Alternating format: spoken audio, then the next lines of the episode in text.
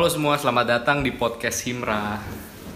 Jadi podcast Himra ini adalah program kerja dari Himpunan Mahasiswa Manajemen Rekod dan Arsip dari Universitas Indonesia. Nah, pada kesempatan kali ini podcast pertama juga kita mengundang Hiban dan Aura. Hiban dan Aura ini bisa perkenalkan.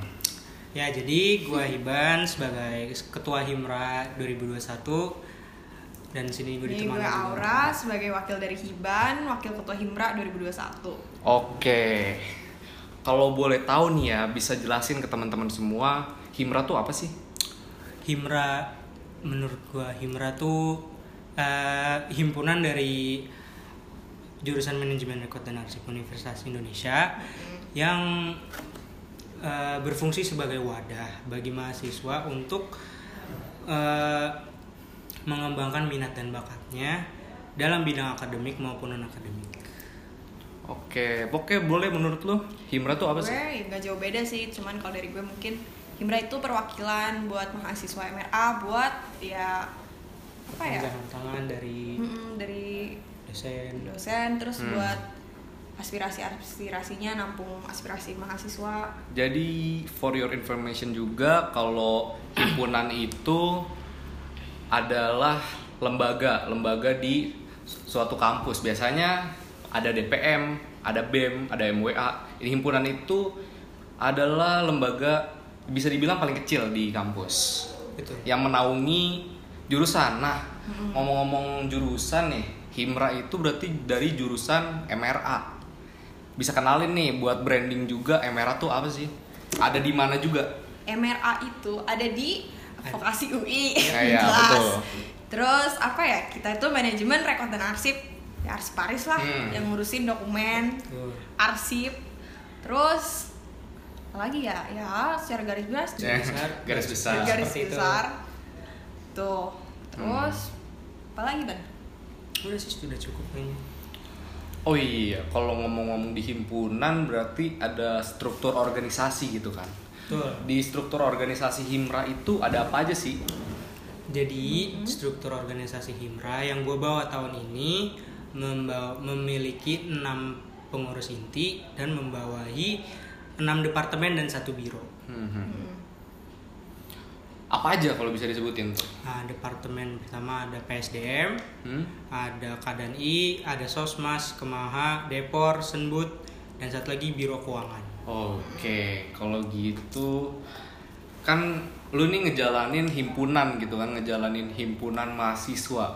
Pas ada nggak sih kayak pemantik gitu alasan lu kontribusi di himpunan? Kenapa nggak lu mikir kayak wah gue lebih baik ke BEM, BEM UI atau BEM vokasi gitu atau DPM gitu? Kenapa lu memilih himpunan sebagai wadah lo berkarya, wadah lo berkontribusi itu kenapa? Kalau menurut gue, gue berkontribusi di himpunan itu dengan rasa kepemilikan. Hmm, hmm. semua tuh balik lagi ke rasa kepemilikan kalau menurut gua rasa kepemilikan terhadap himpunan rasa kepemilikan terhadap alumni yang udah berjuang juga di, di tahunnya mereka sendiri Hmm. rasa kepemilikan terhadap teman-teman juga yang semangat dalam ngejalanin kegiatan-kegiatan yang ada di lingkungan vokasi dan UI Oke, kalau dari lu? Dari gue ya himpunan ya paling deket lah sama gue. Terus Betul. Ya istilahnya keluarga, keluarga gue sendiri kayak gitu. Terus ya kenapa gue di di yang lain kalau misalnya ada keluarga gue yang belum ada yang ngasih apalah mimpin gitu-gitu. Hmm, hmm, Jadi hmm. alasan gue karena itu.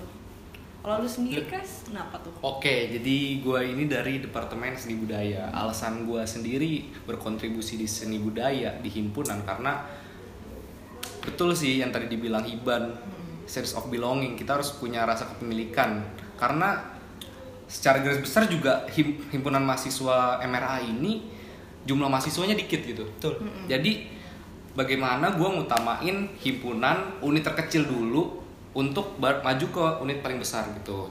Gimana gimana misalnya gue kontribusi di BEM tapi himpunan gue kurang ibaratnya keluarga paling dekat gue itu MRA masa iya gue masuk ke BEM Iya. tapi MRA gue telantar gitu loh. Dan gue juga gimana ya? Gue tuh paling pengen kayak mewadahi seni budaya gitu loh dari MRA emang udah passion? Emang udah passion Iya. juga sih dalam seni. Kalau gue nggak ada passion ini jadi ketua. Passion lo Wah. apa? Mimpin asik. iya mungkin. Nggak apa-apa sih. Mimpin itu passion menurut gua. Balik ke zaman maba nih. Lu tuh excited nggak sih? Ini jujur-jujuran aja ya. Lu excited nggak sih ketika lu dapet MRA yang dulu namanya waktu lu daftar manajemen informasi dan dokumen. Nah, gue sih jujur Jujur. pasti apa Sejujur-jujurnya ini. iya sejujur jujur sejujur. Lu ban. gue sih iya semangat banget pas pas dengar keterima UI ya betul. Ya udah sebetulnya gitu aja dari lu? Sama gue gue gue nggak tahu awalnya merah apaan ini apaan. Yang penting- terus heeh, terus ya UI senangnya UI Iya, jakun oke. siapa lah yang nggak seneng? Terus gue masuk masuk UI daftar gue baru sadar MRA itu apa waktu ospek Pekamaba gue baru Hmm. tahu arsiparis nih ternyata MRA di sini jujur gue masih nggak tahu arsiparis apaan oke sama kayaknya gue jalan-jalanin aja terus ah, makin lama makin tahu kayak oh keren nih arsiparis pada di jadi PNS kating-kating gue kerjanya lumayan Hmm. jadi di situ gue kayak udah arsiparis aja udah Kalau dari gue sih, gue terima di MRA ini jalur PPKB. Kalau Hmm. kalian tahu tuh PPKB itu ibarat jalur undangannya UI gunain rapot. Di situ gue dapet dan sebelumnya gue ketolak, eh bukan ketolak sih, gue dap, gue bisa milih SNM, gue milih di UI juga dan gue gak dapet lah nggak keterima di suatu fakultas. Di situ pas gue dapet MRA, ya gue seneng karena gue milih MRA itu gue pikirin baik-baik juga dan dalam prinsip hidup gue gue harus bersyukur sih gue harus bersyukur kalau apa yang gue dapat ibaratnya kalau gue da kalau doa itu ketuk pintu dan di dalam rumahnya itu ada Tuhan Hmm. gue kalau udah ketuk pintu Tuhan yang bukan pintu buat gue itu gue harus terima Iya. dari doa gue tersebut masih ya gue udah ketuk pintu Tuhan udah bukain pintu gue gue kabur Iya. iya makanya itu yang bahaya makanya atau gua- apa pas liat muka lu ntar ditutup lagi soalnya banyak dosa Nah itu jangan sampai kalau kayak Ya gitu. Allah. Nah makanya gue nanemin banget konteks bersyukur itu di hidup gue. Jadi kayak nggak tahu sih. Ini m- mungkin pandangan aja ya. Gue sedikit nggak setuju ketika kayak lu udah dapet nih di tempat yang enak, tapi lu segala pindah gitu ke fakultas. Mungkin kayak beberapa temen kita ada gitu yang pengen pindah-pindah Hmm. gitu. Cuma ya balik lagi kalau gue konteksnya bersyukur gue harus bersyukur dari pertama nih gue orang tua gue udah biayain gue di awal-awal ya kali gue nambah nambah biaya itu loh iya beda-beda Tuh, sih yang beda-beda pasti. oke kayak menurut lu itu balik lagi ke himpunan. Menurut lu itu yang paling penting dari suatu himpunan tuh apa? Kalau menurut gue dari hal yang paling dasar aja sih. Oke. Niat yang tulus untuk ngejalanin himpunan sama rasa kepemilikan. Hmm. kalau dua nilai itu udah ada akan melahirkan nilai-nilai lain kayak semangat dalam ngejalaninnya. Hmm. terus ya me- menutup apa melengkapi yang kosong-kosong itu yang kurang terus mm, juga ingin mengembangkan himpunan itu sendiri jadi yang lebih baik lagi Oke, kalau dari lu Ra? kalau di gua gue tambahin kali ya dari yang dagang gue tambahin komunikasi Hmm, betul. parah bisa juga sih itu ya betul gimana mau lu solid banget tapi kalau nggak ada komunikasi nggak bisa jalan Benar. Nah, iya betul. terus Oke. ya Terus- itu sih gue paling utamain komunikasi emang Hmm, oke, gue tambahin kali ya. Kalau da- yang penting dari himpunan itu, hmm, apa ya? Kalau dari himpunan, yang penting itu dilarang apatis sih. iya Wah, kalau misalnya apatis nih ya, kalau gue apatis, mungkin himpunan gue terlantar, kekurangan anggota atau apa, gue pergi ke Hmm. BEM gitu. Gue nggak mau orang apatis. Misalnya, suatu departemen lagi ngejalanin proker, tapi departemen yang lain bodo amat. Mm-mm, itu gue paling gak suka. Nah. Paling itu harus aja ada rasa kebersamaannya gitu Iya gitu, kayak kayak ah, kebersamaan dalam kontribusi Wah, itu tagline dari Himra sekarang. Nah, jadi kalau Himra ini sistemnya itu kekeluargaan. Mhm, kita benar. tahu. Oke, kayak lu ngerasa gak sih kayak teman-teman lu itu yang ada di Himra, oke, yang bukan di Himra aja, yang di MRA, IKM MRA, itu keluarga gak sih bagi lu? iyalah. Betul. Gimana? Apalagi kita dikit. Iya. Hmm, betul. kita ngejalanin masa-masa awal bareng-bareng. Oke, coba kita kilas balik nih ketika zaman maba waktu zaman zaman jadi gini di UI itu ada tingkatan ospek. Yang pertama universal eh ya universal. Universitas OKK. OKK sama ya kamaba lah kamaba Iya. kayak misalnya paduan suara itu yang paling dikenang sih terutama terus ada fakultas kalau fakultas itu ada mabimfok mabim Iya. vokasi kalau dari Nah, Emera namanya Pekamaba. Nah, Pokamaba ini kira-kira bakal dilaksanain kira-kira bulan Agustus untuk tahun ini ya. Hmm, Hmm. Nah, coba kilas balik ketika kita kuliah offline dan ospek. Kegiatan apa sih yang paling lu kangenin? Be- Entah itu pas ospek atau pas setelahnya pra ospek. Eh, pasca ospek. Ini sih paling Pas ospek. ngerjain tugas Nah, Hmm. tugas pekamaba sama Tugas kelompok sampai malam-malam di kosan orang. Nah, nah. Kebayang gak sih ngerjain di kosan orang sampai jam 1, jam 2? itu dia Ngerjain. tugas-tugas. Tapi gimana ya? Pasti pas zaman maba itu ngerasa berat gitu Iya, ngerjain capek kayak gini. banget. Tapi pas kayak ketika kita udah sekarang kayak gini, Heeh. Sudah Kayak terbiasa. ngerasa rasanya kayak "Wah, Kangen. kangen banget Iya, gitu. Sumpah. Capek capek sumpah sampai hitam lah iya kan. Iya, sampai gosong. Tapi kayak seru aja gitu. Teman-teman itu yang bikin deket sih ngedumel bareng Iya. temen. Iya ngesel-ngesel sama Kayak Sharing-sharing. gitu ya. Ah, Padahal ngeluh. kayak seru aja sih. Apalagi kita yang ngejalanin gitu.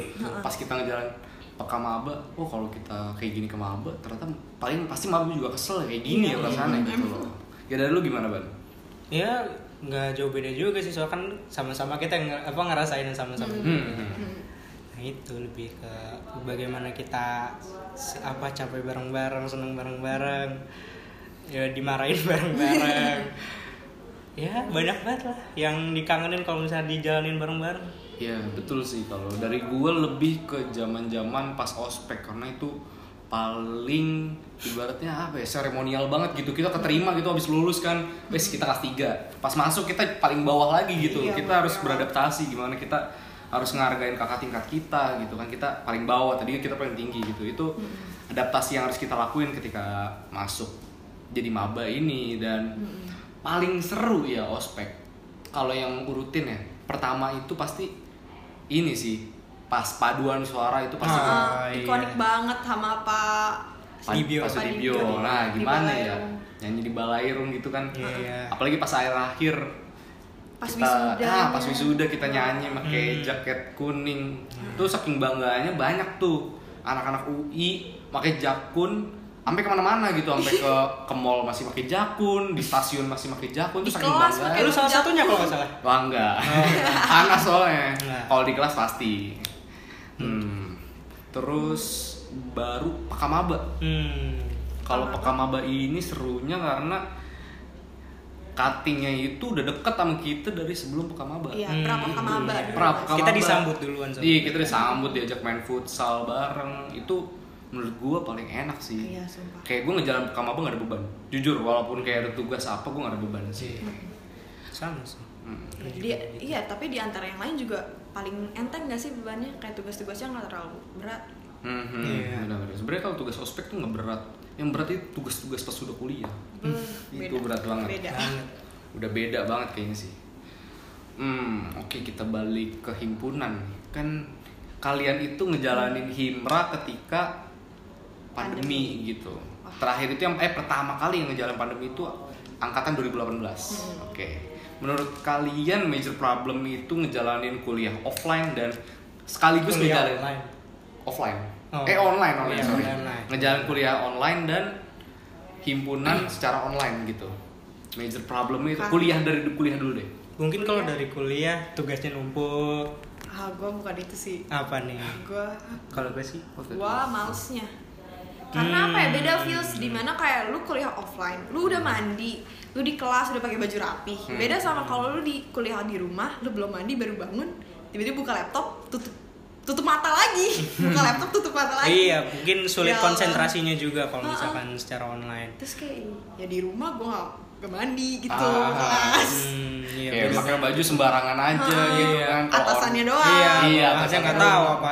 Dah dari lu deh. Iya sama juga. Kalau paling gue masalah tugas-tugasnya aja sih yang kalau online jadi banyak kan beda sama offline kita langsung di situ dengerin dosen yang ngomong mungkin bisa Mhm. praktek sekarang dikasih tugas doang jadi ya numpuk lah kehitungnya mungkin kalau misalkan dihubungin ke HM mungkin miskom kali ya banyak banyak Ya, miskom. komunikasi. kalau Karena- dari himpunan Iya. ya soalnya online juga kan itu nyangkut Sulit. di situnya komunikasinya nggak langsung pakai ah perantara betul betul betul Iya. dan perantara perantaranya tuh ya Iya. itulah gitulah Ya gitulah kalau mana online itu bikin banyak persep- persepsi gitu. Contohnya kayak kita ngabarin di chat itu bisa banyak persepsi. Iya. Kita ngabarin baik-baik dikira marah-marah. Iya. Ya itu sih Itu. contohnya.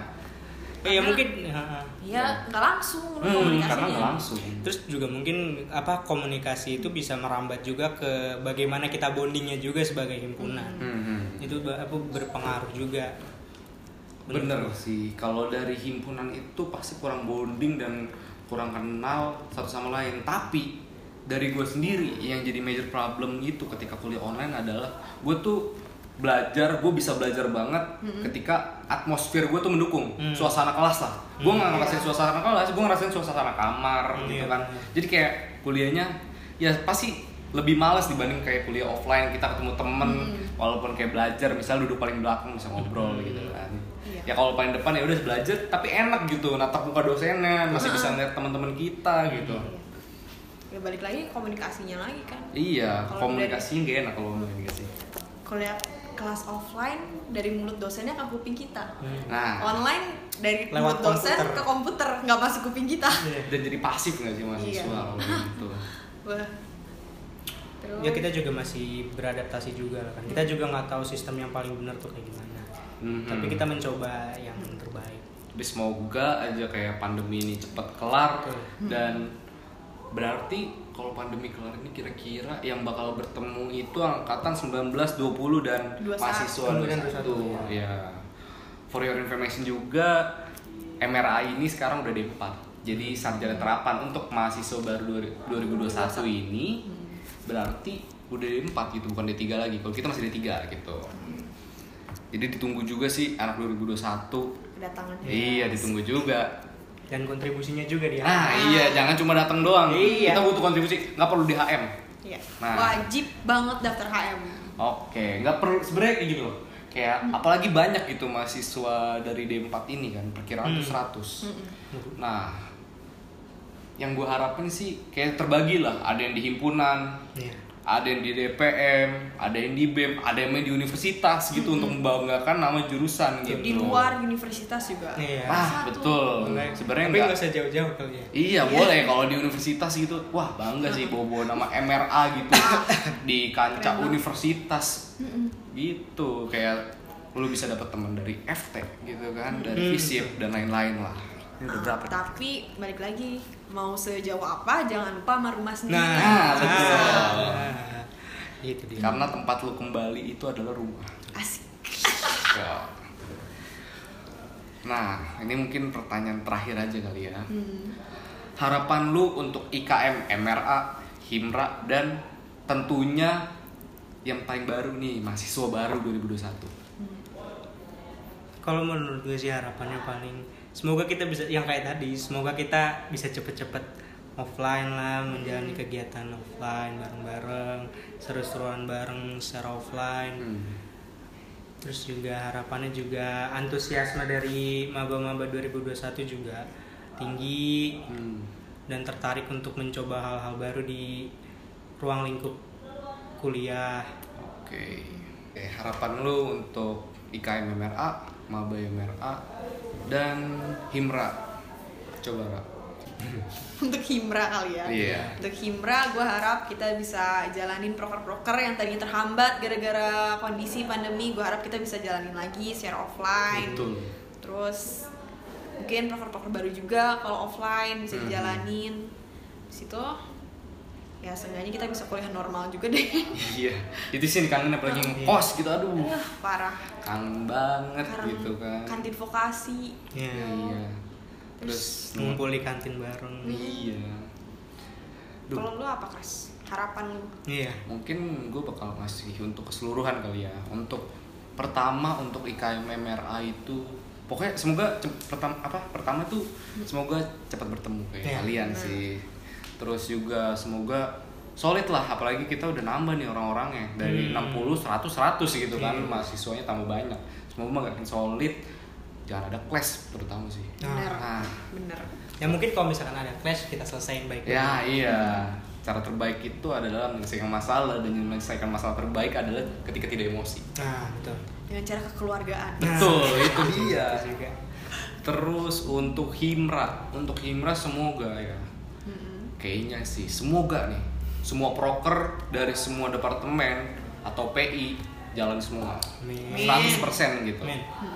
Jadi kayak Himra itu ya kan ada proker-proker baru dan terjalanin. Contoh pertama adalah podcast ini proker terbaru. Nah, Makanya ini episode 1 ini. Untung Perdana. Iya, perdana juga. Mungkin untuk episode selanjutnya ditunggu aja kali judulnya ya, walaupun udah ada gitu. Nggak Sneak usah di-spill. kak Apa nih ya? sneak peek Hmm, paling ini ya, dikit aja ya. Pokoknya tentang pasti ada pembahasan tentang mahasiswa baru Wah, nih.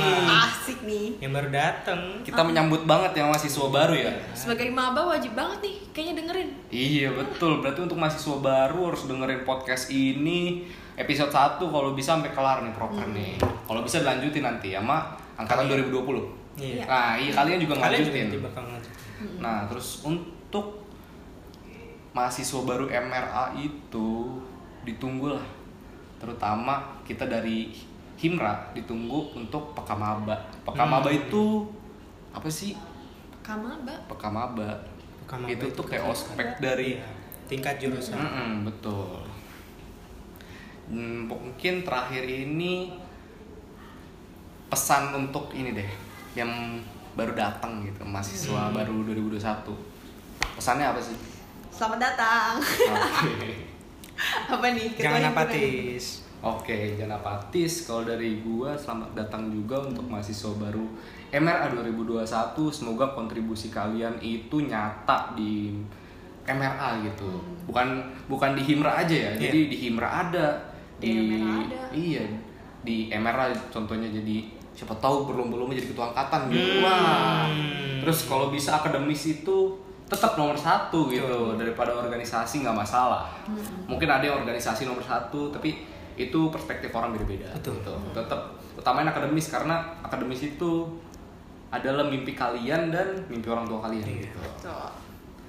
Terus kontribusinya jangan cuma di Himra ada di tempat lain tapi ingat rumah kalian gitu. jangan lupa Oke, intinya selamat datang untuk mahasiswa baru 2021. Oke. Mungkin segitu aja sih untuk podcast kali ini. Thank you banget nih untuk Hiban Salda sebagai ketua himpunan mahasiswa manajemen rekod dan arsip dan Aura Maharani sebagai wakilnya gitu. iya terima kasih juga Oke. Kresna yang udah Mm-mm. mengajak kita sebagai Narasumber. narasumber. Oke, thank you juga ya untuk Himra. Jangan lupa didengerin sampai habis. Oke, sampai jumpa di podcast Himra episode 2.